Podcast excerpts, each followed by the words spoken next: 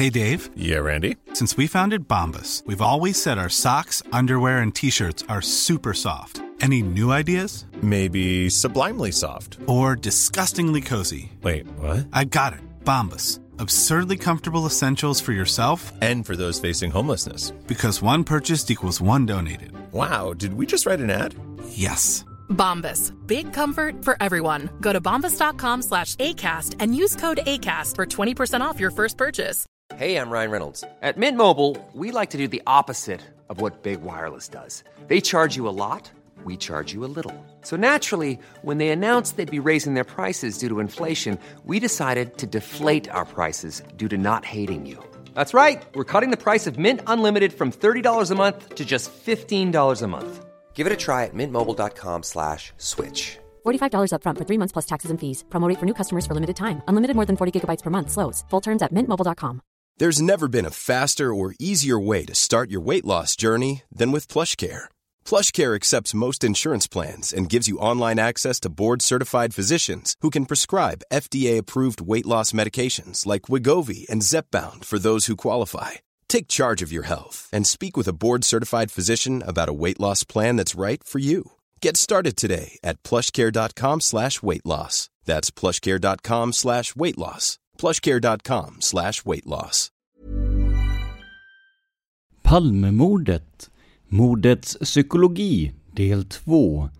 Till minne av Henrik Ankarsäter.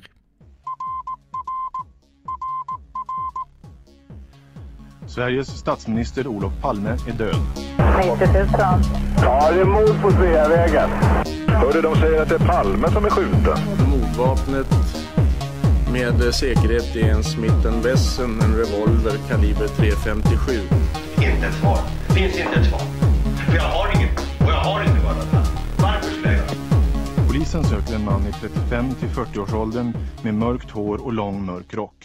Välkomna till podden Palmemordet som idag görs av mig, Tobias Henriksson på PRS Media.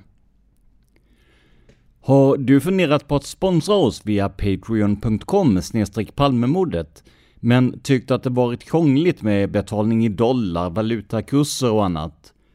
Oroa er inte, för nu kan ni sponsra oss i helt vanliga svenska kronor via Patreon. Som sponsor får du lite extra mycket av podden, som till exempel extra avsnitt, kortare klipp och enkäter. Du kan läsa mer om det och börja sponsra oss på just patreon.com palmemordet. Tack för ditt stöd. Idag ska vi göra en återblick på ett såväl populärt som kontroversiellt ämne, nämligen gärningsmannaprofilen. Vi ska försöka analysera den och ta fram såväl dess förtjänster som mindre bra sidor. Det här ska vi göra tillsammans med en tidigare gäst från podden, men tyvärr inte på det sätt vi hade önskat. Jag ska förklara. För ett bra tag sedan kom vi i kontakt med en professor i rättspsykiatri vid Göteborgs universitet vid namn Henrik Ankarsäter. Han hade fått upp ögonen för ämnet Palmemordet och var vid tillfället lite extra intresserad av de psykologiska mekanismerna som drev Viktor Gunnarsson, den så kallade 33-åringen. Henrik var för tillfället sjukskriven sa han och hade gott om tid att prata med oss om vi kände att det var en bra idé. Det var det. Henrik och jag pratade i åtskilliga timmar om såväl mordet som sådant som Viktor Gunnarssons person och vi var båda överens om att det var ytterst givande samtal. Henrik framstod för mig som ytterst intelligent, vänlig, nyfiken och framförallt analytisk. Efter hans framträdande i podden överöstes avsnittet med positiv feedback mycket på grund av Henriks gedigna research och pedagogiska och öppna sätt att prata till lyssnarna. Vi började prata om att göra fler avsnitt i serien som kom att kallas Modets psykologi. Men livet ville annorlunda. Efter en period med mycket hårt arbete för min del tog jag återigen kontakt med Henrik för att prata om ett eventuellt kommande avsnitt. Han sa då att han inte längre la så mycket tid på Palmemordet och att han fortfarande var sjuk. Det kunde nog inte bli tal om ett avsnitt, men om vi ville fick vi gärna citera utdrag från hans blogg och kontakta honom med frågor eller instick. Jag tyckte att det här lät som en ytterst bra idé och godtog det. Det var sista gången Henrik och jag hade kontakt. Den 9 mars 2021 somnade han in i sviten av sin sjukdom, blott 54 år gammal. Närmast sörjande var maken Rolf samt vänner och kollegor. Med risk för att bli långrandig och, och möjligen väl personlig så berörde det hela mig djupt. Jag hade sett fram emot att höra mer av Henriks klokskaper inom fler delar som rör Palmemordet och psykiatri och psykologi. Det blev tomt på något sätt, trots att jag ju inte kände Henrik närmare. Men jag kände hans engagemang och stora kunskap och den ska vi försöka förvalta inom ramen för ämnet Palmemordet. Så därför kommer dagens avsnitt att handla om ett ämne som Henrik skrev på sin blogg om, gärningsmannaprofilen. Det blir såklart inte lika bra som om Henrik hade varit med själv, men förhoppningsvis kan hans tankar i ämnet komma fram även om det är jag som berättar. Innan vi går in på själva GMP-delen av avsnittet ska vi höra Henrik presentera sig själv från det avsnitt som faktiskt hans spelas in. Eh, jag heter Henrik Ankarsäter och är professor i och överläkare i rättspsykiatri vid eh, Sahlgrenska akademin, eh, Göteborgs universitet. Eh, jag har varit det sedan 2008. Innan dess arbetade jag en kort period i Malmö men har varit disputerad i Göteborg och utbildade mig här. Så jag har hållit på med rättspsykiatri eller psykiatri hela mitt yrkesliv. Jag har ehm, framförallt fokuserat Eh, det som man kallar barnneuropsykiatriska eh, störningar hos våldsbrottslingar, alltså eh, ADHD, autismspektrumstörningar, inlärningsproblem, Tourettes syndrom och den typen av problem. Och framförallt behandlat personer med eh, sådana eh, problem som, som har funnits i rättssystemet. Jag har inte arbetat åt polisen egentligen i någon nämnvärd omfattning men en hel del i kriminalvården och för Statens institutionsstyrelse. Jag forskat inom rättspsykiatrin och, eh, och inom barn och ungdomspsykiatri och publicerat eh, en hel del eh, i internationella tidskrifter. och också arbetat internationellt och varit gästprofessor i Paris och board director i International Academy of Law and Mental Health. Så att eh, jag har en internationell och nationell förankring på, på det här området. Jag har varit vetenskapligt råd åt Socialstyrelsen och Kriminalvården och arbetat med utredningar eh, inom Rättsmedicinalverket eh, av personer som är, eh, som är åtalade och dömda för våldsbrott och skrev min doktorsavhandling genom att intervjua över hundra förövare till grova våldsbrott eh, och kartlägga deras psykiska problematik och eh, samla in uppgifter om dem och analysera dem. Själv skriver han på sin blogg om hur han hittade till podden och också om sitt intresse för Palmemordet. Citat. Som så många andra svenskar har jag då till sist hamnat i ett överdrivet intresse för Palmemordet. I mitt fall kom det relativt sent i februari 2018 när jag låg sjuk i influensa och behövde något att fördriva tiden med. Fråga mig inte hur jag kom att landa på Dan Hörnings Palmemordspodd, men när jag väl var där kunde jag inte sluta lyssna på raden av ögonvittnen eller misstänkta som Viktor G, Skandiamannen, Polisman A, Christer A och alla andra larger than life-figurer som stod på kö för att fascinera. För att vara rättspsykiatriker har jag aldrig varit särskilt intresserad av brott och våld. I arbetet har jag koncentrerat mig på patienternas tillstånd och behandling, där naturligtvis återfallsprevention är en del. Och för att koppla av har jag hellre läst Agatha Christie och andra pusseldeckare än realistiska brottsskildringar och true crime. Slut citat. Men faktum är att Henrik redan hade en koppling till Palmemordet. Hans handledare, professor Anders Fossman, hade lovat att Henrik skulle få vara med som underläkare i den rättspsykiatriska undersökning av Christer Pettersson som skulle komma till stånd om Högsta domstolen beviljade resning 1998. Henrik menar att hela Stockholmskliniken ansågs jävig efter att Pettersson enligt rykten varit middagsgäst hemma hos professor Lars Lidberg. Då återstod inom Rättsmedicinalverket Anders som framstående expert och Henrik skulle få delta i egenskap av hans doktorand. Nu blev det ju inte så i och med att Högsta domstolen avslog resningsansökan. Men i alla fall. Nåväl, vi lämnar minnenas allé och går in på vad Henrik skriver om själva gärningsmannaprofilen, som här kommer att förkortas till GMP. I början av det första blogginlägget om GMP skriver Henrik att han sedan intresset för mordet startade läst en del av de seriösa författarna om mordet. Han nämner bland andra Gunnar Wall. Han har också sett de tv-dokumentärer som gjorts. Dessutom har han grottat ner sig i granskningskommissionens rapport. Och till sist såklart även granskat den gärningsmannaprofil som gjordes av psykiater Ulf Åsgård och kommissarie Jan Olsson. Naturligt nog, med tanke på vad Henrik jobbade med, var det det här han kom att fastna ordentligt för. Hela artikeln är så intressant att det hade varit lockande att citera hela, men jag kommer att välja ut delar av den. Henrik börjar med att förklara vad en gärningsmannaprofil egentligen är. Citat.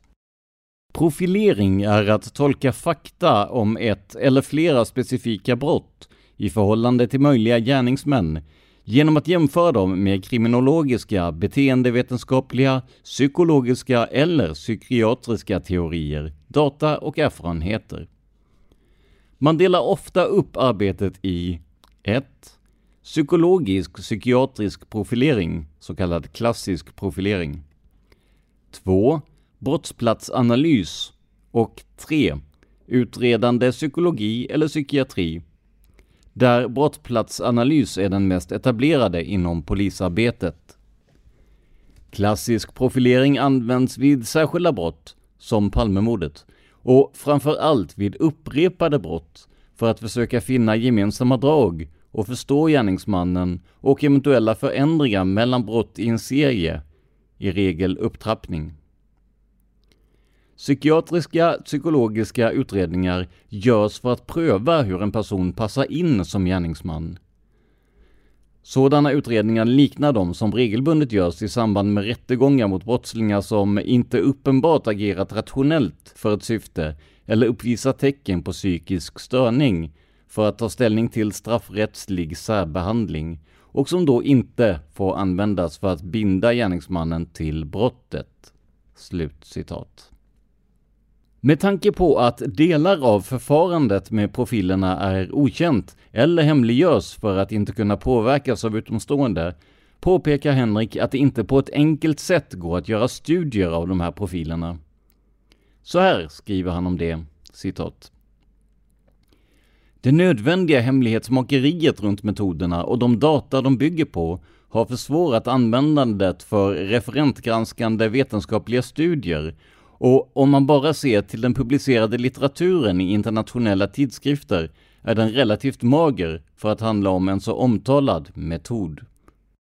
En ny översiktsartikel fann en stor samlad litteratur om man tog med böcker, egenpublicerade material och andra utomvetenskapliga publikationer och bedömde det vetenskapliga arbetet kring metoderna i första hand, medan regelrätta studier av deras effekt är få.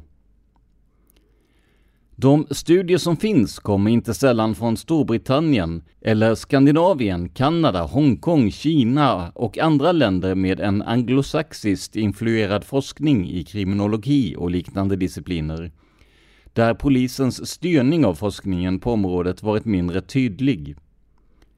Både universiteten och polismyndigheterna har också etiska regler och juridiska begränsningar som till exempel begränsar möjligheterna att studera genetiska effekter bakom brott, som är bland de starkaste i tvärsnittsundersökningar och registerstudier i profileringssammanhang. Slutcitat. Så kanske är det inte jättelätt att granska eller för den delen kvalitetssäkra gärningsmannaprofiler. Det var ju just kvaliteten på profilen och hur väl eller dåligt den kan tänkas stämma som debatterades efter mordet. Likadant la granskningskommissionen en ansenlig tid på att försöka gå till botten med detta. Allt detta kan ni höra om i de avsnitt om gärningsmannaprofilen som Dan gjorde tidigt i poddens historia. Den offentliga kritiken mot profilen känner vi som sagt till men vad tänker en person med specialutbildning inom just psykologi och rättspsykiatri? Fanns det poänger med att göra en profil överhuvudtaget? Blev den någorlunda rättvisande? Och finns det saker som hade kunnat göras bättre? Vi kommer nu att citera ett längre stycke av Henrik om just hans tankar och erfarenhet om GMP. Som sagt, det är inte samma sak som att höra Henrik själv berätta om det.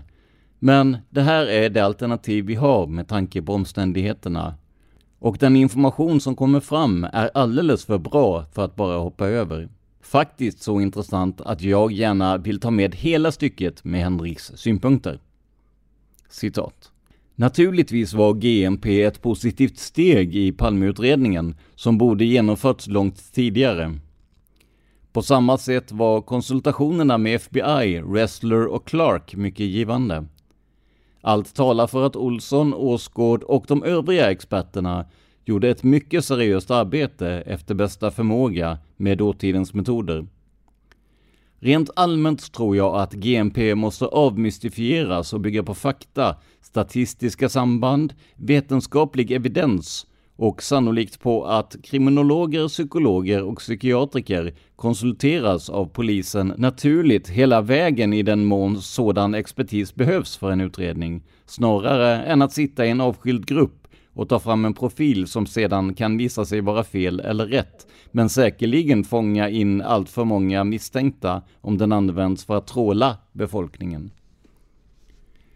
Diskussionen nedan är inte heller ett försök att teckna en profil, utan att diskutera de fakta vi känner och hur de kan tolkas utifrån psykiatrisk kunskap.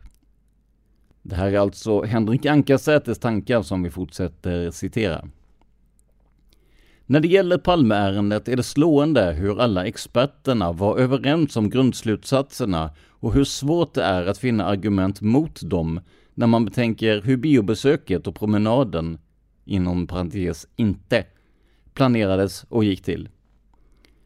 Ändå har detta inte gett särskilt mycket råg i ryggen åt polisen, granskningskommissionen och granskande journalister att förklara detta för det svenska folket.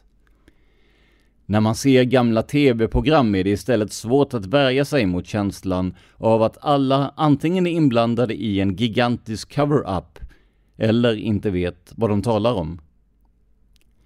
Detta kan förstås bero på hur programmen är gjorda journalistiskt, men kanske också på dåligt samvete över det svaga målet mot Christer Pettersson, som ändå skulle vara någon slags offentlig linje och det ända in i våra dagar, när bland annat Stefan Löfven och Jan Guillou vidhåller hans skuld, trots att han, som Palmeutredningens nya chef sagt, är den enda som friats från mordet i domstol, inte en, utan två gånger. Vi fortsätter Henriks resonemang. Gärningsmannen måste ha varit starkt affektdriven. När han skrev till verket måste det ha framstått som långt mindre sannolikt att han skulle undkomma än att han skulle stöta samman med poliser, civila eller andra personer som ingripit i hans flykt eller blivit igenkänd av vittnen som på olika sätt kunnat identifiera honom i efterhand. Detta talar för att han drevs av ett specifikt hat mot Olof Palme, som var så starkt att han var beredd att offra allt för att utplåna honom. Palmehatet var svårbedömt för de amerikanska experterna, men fanns i olika schatteringar i många grupper i Sverige. Från vänsterpersoner som tyckte att han var överklass och på olika sätt en svikare av 60-talets ideal. Socialdemokrater som tyckte illa om hans personliga intellektuella överlägsenhet. Till borgerligheten och högern som ofta var övertygade om att han sålde ut Sveriges intressen till Sovjetunionen. För denna grupp kom lagförslaget att ge polis och hemvärn civil status vid en eventuell ockupation som en akut provokation våren 1986, liksom den förestående Moskvaresan efter de senaste årens ubåtsaffärer. Däremot tror jag inte att Harvard-affären kommit så mycket längre än till media och har svårt att tro, som Clark, att den skulle ha bidragit som utlösande faktor till gärningen. Att Palmes akt stals från tingsrätten samma kväll som mordet är ännu ett märkligt sammanträffande som ingen kunnat förklara och som naturligtvis kan ha berott på något helt annat. Som att en grävande journalist velat syna siffrorna innan de blev offentliga. Aktens diarienummer hade inte avlägsnats, vilket sannolikt minimerat risken att stölden skulle kunna använts för att skada Olof Palme. Vi fortsätter citera Henrik Ankarsäter från sin blogg. Palmehatet i Sverige var även riktat mot Lisbet Palme, som var aktiv socialist under makens år i offentligheten.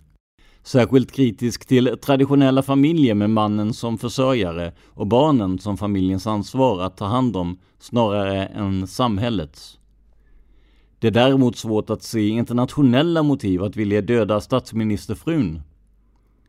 Jag har också svårt att se en professionell militär eller polis i Sverige vid denna tid skjuta en kvinna i ryggen om uppdraget var att döda hennes man. Men detta är en högst personlig spekulation. It's that time of the year. Your vacation is coming up. You can already hear the beach waves, feel the warm breeze, relax and think about work. You really, really want it all to work out while you're away. Monday.com gives you and the team that peace of mind. When all work is on one platform and everyone's in sync, things just flow wherever you are. Tap the banner to go to Monday.com. How would you like to look five years younger? In a clinical study, people that had volume added with Juvederm Voluma XC in the cheeks perceived themselves as looking five years younger at six months after treatment. Look younger, feel like you. Add volume for lift and contour in the cheeks with Juvederm Voluma XC. Reverse signs of aging by adding volume to smooth laugh lines with Juvederm Volure XC. For important safety information and to find a licensed specialist, visit juvederm.com. That's J U V E D E R M.com. Not for people with severe allergic reactions, allergies to lidocaine, or the proteins used in Juvederm. Common side effects include injection site redness, swelling, pain, tenderness, firmness, lumps, bumps, bruising, discoloration, or itching. There's a risk of unintentional injection into a blood vessel, which can cause vision abnormalities, blindness, stroke, temporary scabs, or scarring. Talk to a licensed specialist to find out if it's right for you. Cool fact a crocodile can't stick out its tongue. Also, you can get health insurance for a month or just under a year in some states. United Healthcare short term insurance plans, underwritten by Golden Rule Insurance Company, offer flexible, budget friendly coverage for you. Learn more at uh1.com. Olsson och Åsgård, Wrestler med flera anser att det faktum att Lisbeth Palme inte dödades tyder på icke-professionalitet. Här håller jag inte med. De utgår från att hon sköts för att undanröja ett vittne, vilket stämmer dåligt med att mördaren inte attackerade de två andra vittnen han hade på nära håll. Jag tror att hon besköts av samma skäl som maken. Att mordförsöket på henne misslyckades beror på att revolverpipan pekade några millimeter för långt åt höger medan offret befann sig i rörelse åt vänster. Skotten är åtminstone inte oskickliga och visar att gärningsmannen hanterat en revolver tidigare. Förföljandet, gärningen och flykten har krävt sinnesnärvaro, självkontroll och planering, åtminstone i ett kort tidsperspektiv. Detta kontrasterar med några omständigheter.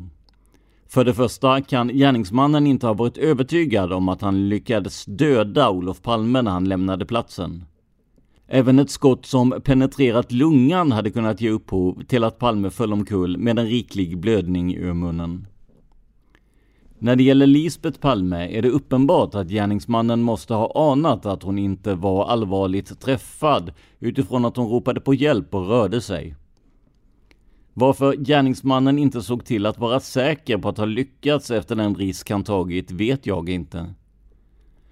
Kan han ha haft en övertro på vapnets effekt? Kan han ha chockats av synen av den hoprasande och blödande Olof Palme? Kan han ha drabbats av en plötslig osäkerhet? Kan han ha klarat att skjuta i ryggen, men tvekat inför vad som skulle hända vid ett huvudskott? Vidare kom gärningsmannen inte optimalt förberedd eller utrustad till mordplatsen. Det sannolika vapnet är tungt och har kraftig rekyl. Ammunitionen ger ett högt ljud, eventuellt en mynningsflamma, och kulan är inte optimerad för att döda en människa. Flera vittnen uppger att gärningsmannen hade lågskor, en längre rock och en huvudbonad han kunde ha tappat under flykten. Mördaren måste definitivt ha haft lokalkännedom utöver vad en rekognosering på några timmar skulle kunnat ge. Men jag undrar om han inte dessutom måste ha varit på platsen dagen eller dagarna före mordet för att veta att inte barackerna och byggnadsställningarna med containern framför hade vuxit ut till en avspärrning av trapporna upp till Brunkebergsåsen från Tunnelgatan.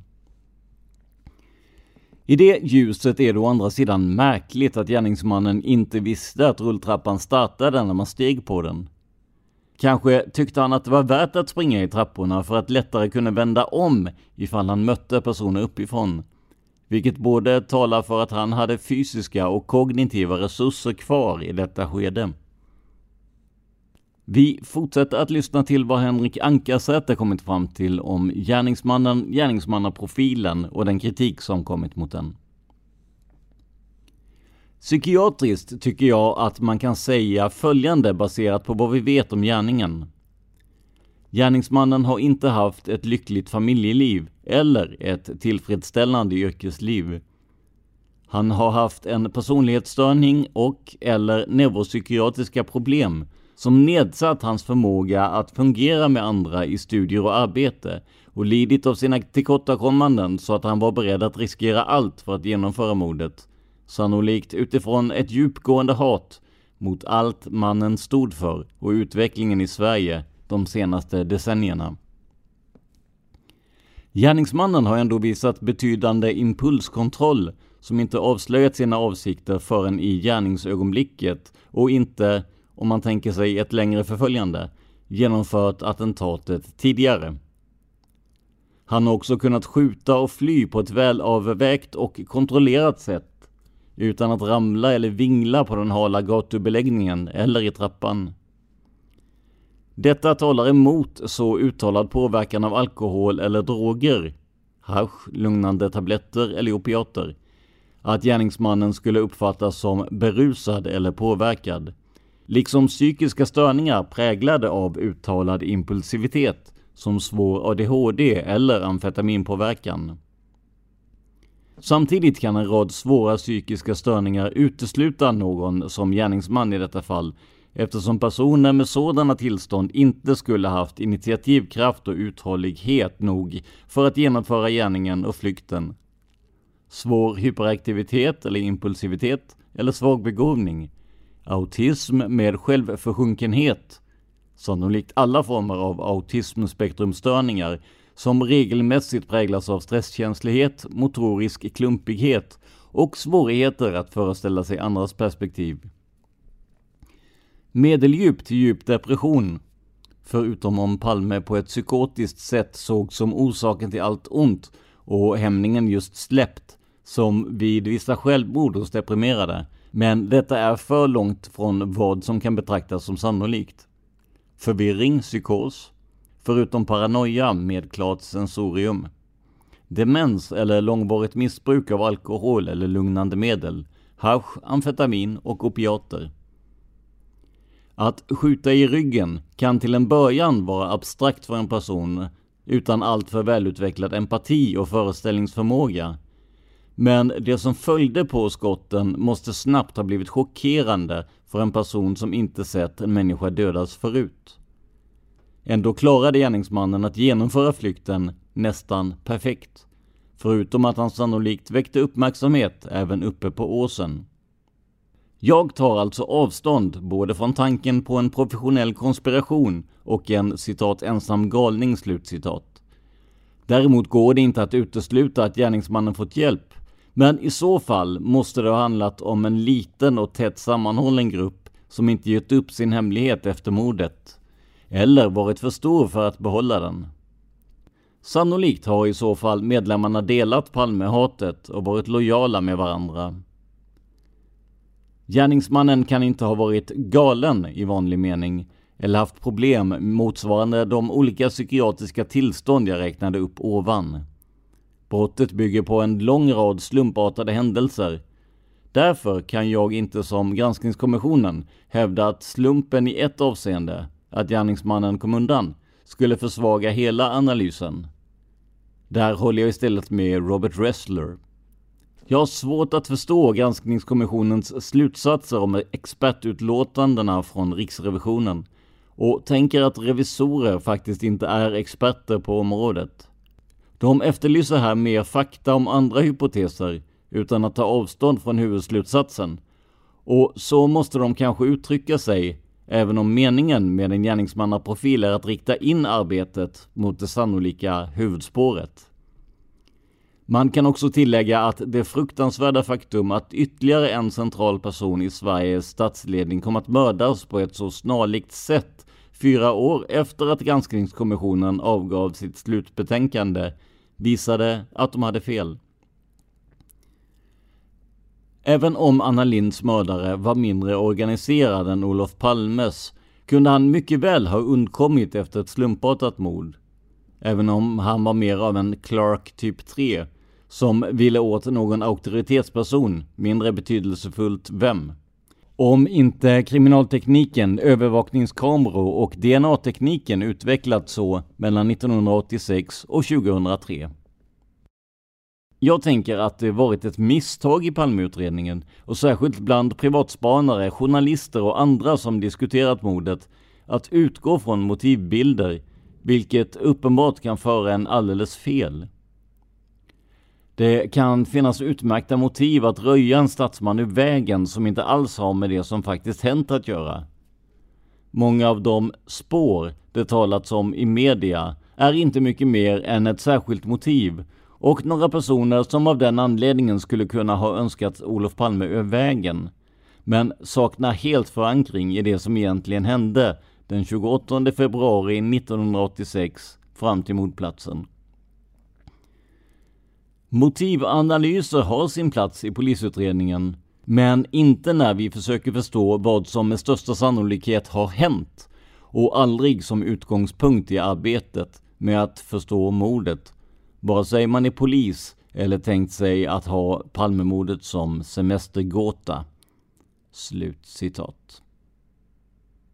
Så långt alltså Henriks tankar om den profil som gjordes och kritiken mot den. Som ni ser är det både ris och ros och jag är säker på att en del av er inte håller med om hans slutsatser. Men det är ändå intressant, givet Henriks yrkesbakgrund, att få ett helt nytt synsätt på profilen. Sammanfattningsvis kan vi utifrån den här texten konstatera att personen troligen inte lider av en svår psykisk störning och att han har viss förmåga till planering och att kunna fly relativt osedd. Eller i alla fall utan att fångas av poliser eller vittnen. Men å andra sidan talar personens klädsel med mera för att han inte planerat dådet under en längre tid. Det här kanske kan låta motsägelsefullt, men jag tänker mig utifrån texten en person som ser Palme, har eller får tag på ett vapen och som utifrån den första chansartade synen av statsministern planerar att ta livet av honom. För de som intresserat sig för Lars Borgnäs teori om att Lisbeth sköts först blir även passagen om skotten mot henne intressant. Men vad kommer då Henrik fram till baserat på sin erfarenhet och kunskap? Vi kommer nu att återge hela det avslutande inlägget om just gärningsmannaprofilen för att ni ska få så mycket information om de tankar och slutsatser som Henrik kommer med som möjligt. Och som sagt, helst av allt hade jag velat intervjua honom om detta själv. Men som ni hörde först i programmet är det numera helt omöjligt. Så håll till godo med min röst som förmedlar vad Henrik Ankarsäter kom fram till om GMP och gärningsmannen.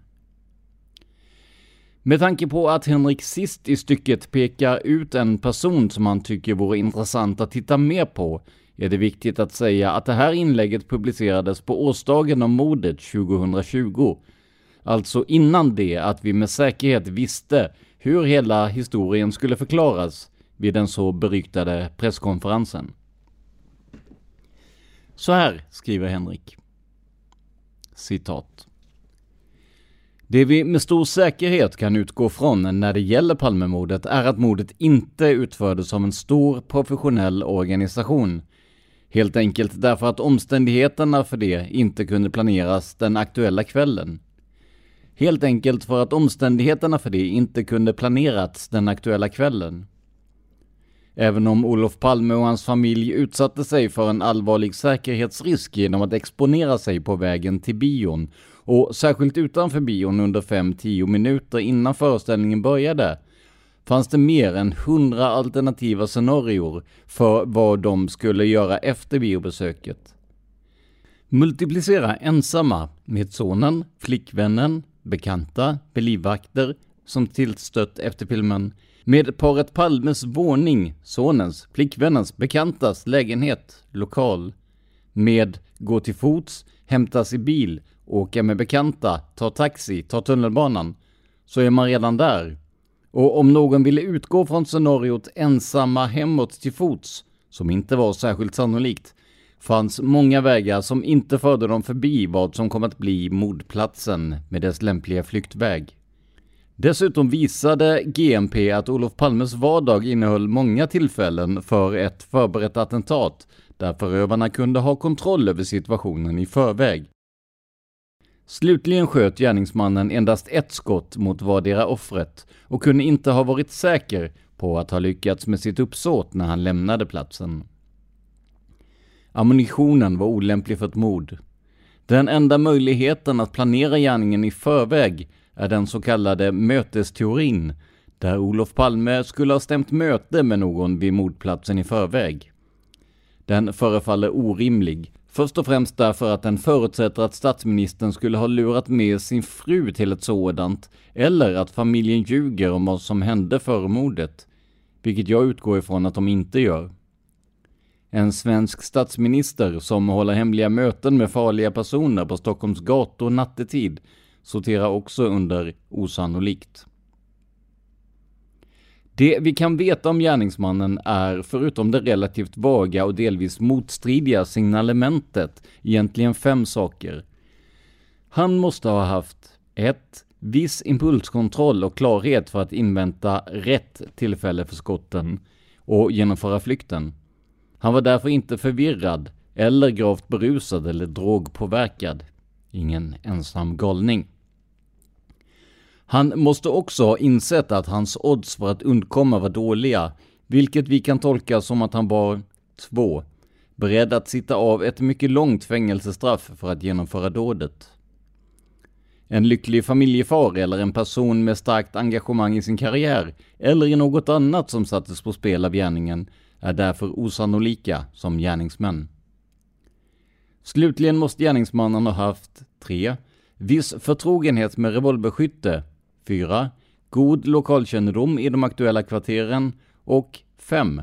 Förmåga att hålla tyst efter mordet, även till personer i sin omgivning, eftersom inget har kommit fram på så lång tid. Sammantaget får händelseförloppet och dessa fem punkter mig att tro att Olof Palme sköts till döds av en svensk förövare vars motiv var ett starkt hat mot paret Palme, vilket stöds av att han sköt mot dem båda och var mycket nära att även döda Lisbeth Palme, som spelade en betydande roll i det inhemska Palmehatet vid tiden för mordet, men knappast för makens politiska gärning eller hans olika internationella engagemang som skulle kunna ha motiverat ett mord på henne.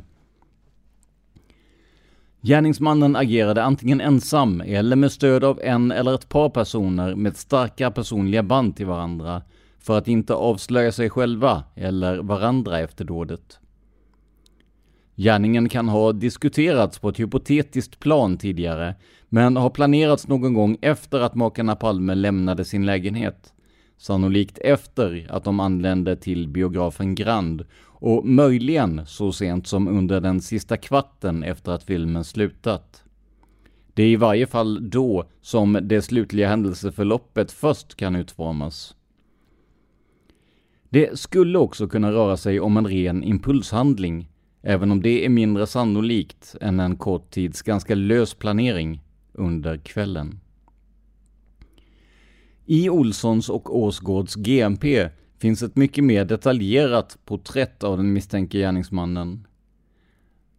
I Olssons och Åsgårds GMP finns ett mycket mer detaljerat porträtt av den misstänkte gärningsmannen.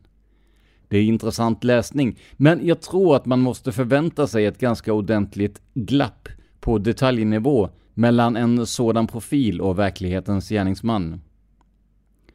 Av alla de internationella experter som konsulterats är James W. Clark tveklöst mest akademiskt meriterad och systematisk i sitt närmande till Palmeärendet. Han har studerat alla politiska attentat i USA och flera andra runt jorden för att etablera en typologi av förövare där grupp 1 är attentatsmän som drivs av politiska drivkrafter. Grupp 2 är mer personlighetsmässiga problem Grupp 2 av mer personlighetsmässiga problem och affekter mot myndigheter eller framstående personer. Grupp 3 av rent personlighetsmässiga skäl, där de till varje pris vill kompensera en känsla av att leva ett obetydligt, meningslöst liv genom ett attentat mot en känd person. Som kan vara politiker, men lika gärna artist, skådespelare eller annan berömdhet. Och grupp 4, psykotiska personer som drivs av en vanföreställning att en viss politiker till exempel varit otrogna med deras partner eller styr deras öde. Problemen som förövare i grupp 2 och 4 lider av är i regel paranoia, vanföreställning, och finns i olika grad. Paranoid personlighetsstörning innebär en generell misstänksamhet och benägenhet att tolka in onda avsikter i andra människors handlingar paranoid beredskap, men utan psykotiska eller bisarra inslag. Idéerna skulle kunna vara sanna och stämma med världen som vi känner den, och tankemässig klarhet. Paranoia, vanföreställningssyndrom, innebär idéer som trots bevis på motsatsen ändå hålls med en sjuklig grad av övertygelse, även om de inte är bisarra, utan i slutändan ändå är möjliga i den riktiga världen. Paranoid schizofreni slutligen innefattar ofta bisarra vanföreställningar som att ens tankar är fjärrstyrda via TVn eller chip inopererat i hjärnan och är definitionsmässigt förenat med nedsatt eller sjunkande psykosocial funktionsförmåga, förvirring och eller störningar av tankeprocessen. Paranoia kan också förekomma vid perioder av djup depression, mani, drogutlösta psykoser, demens eller vissa kroppsliga sjukdomar.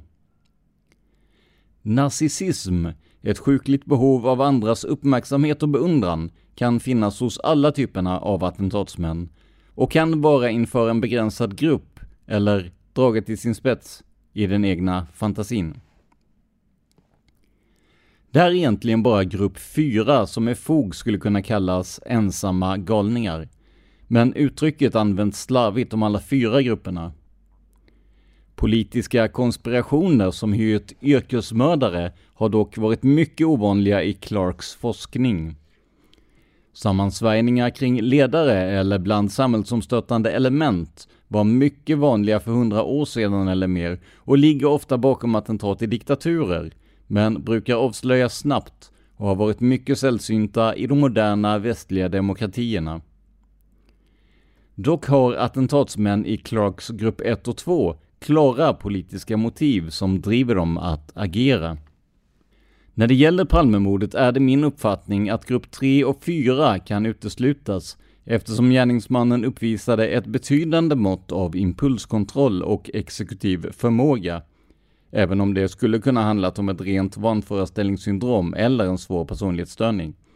Och en grupp 3-attentatsman är i stort sett utesluten eftersom en sådan gärningsman inte bryr sig om att åka fast eller åtminstone efterlämna något som pekar på deras inblandning. Som beskrivits ovan tror jag att mordet bottnade i det då vanliga Palmehatet i det svenska samhället. En attentatsman behöver inte ha ett kriminellt förflutet, utan kan drivas av andra motiv. Vi fortsätter citera Henrik Ankarsäter. Av de gärningsmän som föreslagits i den allmänna debatten om Palmemordet tror jag att hitmen från olika internationella organisationer kan avföras från listan som mycket osannolika. Sådana attentat är mycket ovanliga och hade planerats vid någon av Palmes regelbundna promenader utan livvakter. Jag har också mycket svårt att se någon rimlighet i de olika konstellationer av ordningspoliser som skulle ha begått brottet efter spaningar och skyddats av polisledningen, åtminstone timmarna runt mottillfället, polisspåret, av samma skäl, och eftersom en sådan stor konspiration hade spruckit mycket snabbt. Den lilla grupp poliser eller militärer Leif GW Persson återkommande föreslagit i media och i sina mycket uppmärksammade och filmatiserade romaner ser jag inga konkreta personkopplingar till. De mest diskuterade ensamma galningarna, fast ingen av dem var galen vid tiden för mordet, är Viktor Gunnarsson, 33-åringen, Christer Pettersson, som åtalades och dömdes för mordet i tingsrätten 1989 enbart av nämndemännen och sedan friades i hovrätten. Christer A, daytradern i böckerna av Paul Smith och Stig Engström, Skandiamannen. Av dessa vill jag helt avföra två. Gunnarsson tror jag hade en alltför låg global psykosocial funktionsförmåga för att ha varit av intresse för någon gruppbildning eller för att ha klarat av mordet och den efterföljande polisutredningen. Och Pettersson, som friats i domstol, saknar helt enkelt kopplingar till brottet, förutom Lisbet Palmes utpekande, som underkänts av vittnespsykologer jag tror har mycket gedigen kunskap om vilken betydelse man kan fästa vid olika ögonvittnen.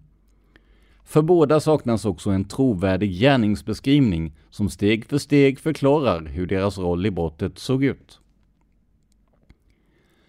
Bland de närmare hundratalet personer som plockades fram utifrån sin likhet med GMP, varav många är uppenbart orimliga kandidater på grund av alltför omfattande psykisk ohälsa, ett område där GMP uppenbart var för oskarp, intar Christer A en särställning genom att dels likna profilen i mycket hög grad, dels ha haft ett vapen av den intressanta typen som han vägrat lämna in för provbeskjutning och istället gjort sig av med under misstänkta omständigheter som han med stor sannolikhet ljugit till polisen om. Dessutom finns en begriplig, logisk och trovärdig gärningsbeskrivning för hur mordet skulle kunna ha gått till med Christer A som gärningsman. Även om det inte heller finns några bevis eller ens indicier för att det verkligen skulle ha gått till så. Självklart borde Christer A ha utretts intensivt av polisen långt innan sitt självmord 12 år efter mordet. Han skulle kunna ha varit en typisk Clark-attentatsman med paranoia eller stark politisk antipati mot Olof Palme och socialdemokratin, särskilt deras antikapitalistiska politik, och psykisk ohälsa som började som en personlighetsproblematik och accelererade fram till hans självmord. Utöver den bild av Christer A som redan tecknats av Paul Smith, en mycket ensam och privat person som vi vet osedvanligt lite om, finns inget material för oss att analysera hans personlighet eller förmåga att ha utfört gärningen. Detta lämnar oss med Engström, som jag tror är den gärningsman åklagare Christer Petersson och hans Palmegrupp vid polisen intresserat sig för under senare år och kommer att presentera bevis emot under våren 2020. Även om det finns två välskrivna och välunderbyggda böcker om honom, Nationens fiende av Lars Larsson 2016 och Den osannolike mördaren av Thomas Pettersson 2018, tycker jag att det finns skäl att diskutera hans personlighet och eventuella drivkrafter bakom mordet ur psykiatrisk psykologisk synvinkel. Både för att se vad han kan ha haft för inre problem som kan ha spelat in i ett eventuellt deltagande i statsministerattentatet, vad som inte hör hemma i psykiatrin eller psykologin av det som rapporterats om honom, och vilka andra faktorer som skulle kunna förklara varför det dröjt så länge innan han kom i centrum för utredningen. Där slutar vi citera Henrik Ankarsätes bloggpost om sin möjliga gärningsman. Ja, där har vi alltså Henrik Ankarsätes tankar. Stig Engström kanske inte var en så osannolik mördare i alla fall, om man ser till den psykologiska profilen. Det här är givetvis inte på något sätt bevis eller heltäckande, men kanske väcker det en del tankar hos er som lyssnar. I så fall, gå gärna in och skriv av er på facebook.com palmemordet där Dan och jag svarar på frågor om podden. Om du vill sponsra oss kan du göra det i svenska kronor sedan en tid tillbaka. För på patreon.com palmemordet väljer du själv vilken summa du tycker vi är värda per avsnitt. En summa som du numera alltså kan donera i kronor istället för i dollar eller euro. Vi tar adressen igen. patreon.com palmemordet. Fler sätt att stötta oss hittar du i avsnittsbeskrivningen. Det här var veckans avsnitt av podden Palmemordet som idag gjordes av mig, Tobias Henriksson på PRS Media. För mer information om mig och mina projekt besök facebook.com prsmedia.se eller gilla oss på Instagram där vi heter prsmedia. Ett ord, små bokstäver. Stort tack till Henrik Ankarsäter som till och med efter sin bortgång hjälper oss att få en djupare inblick i ämnet Palmemordet. Men framför allt, stort tack för att du lyssnar på podden Palmemordet. Man hittar Palmes mördare om man följer PKK-spåret till botten. Därför att ända sedan Julius Caesars tid har det aldrig hört talas om ett mord på en framstående politiker som inte haft politiska skäl. Polisens och åklagarens teori var att han ensam hade skjutit Olof Palme. Och det ledde också till rättegång. Men han frikändes i hovrätten. Nu ska vi ut på rövarstråt. Ja, vi ska ut och röva. Planning for your next trip? Elevate your travel style with Quince. Quince has all the jet-setting essentials you'll want for your next getaway. Like European linen, premium luggage options, buttery soft Italian leather bags, and so much more. And it's all priced at 50 to 80% less than similar brands. Plus, Quince only works with factories that use safe and ethical manufacturing practices. Pack your bags with high-quality essentials you'll be wearing for vacations to come with Quince. Go to quince.com slash trip for free shipping and 365-day returns. Cool fact a crocodile can't stick out its tongue. Also, you can get health insurance for a month or just under a year in some states. United Healthcare short term insurance plans, underwritten by Golden Rule Insurance Company, offer flexible, budget friendly coverage for you. Learn more at uh1.com. Planning for your next trip? Elevate your travel style with Quince. Quince has all the jet setting essentials you'll want for your next getaway, like European linen, premium luggage options, buttery soft Italian leather bags, and so much more. And is all priced at 50 to 80% less than similar brands. Plus, Quince only works with factories that use safe and ethical manufacturing practices. Pack your bags with high-quality essentials you'll be wearing for vacations to come with Quince. Go to quince.com/pack for free shipping and 365-day returns.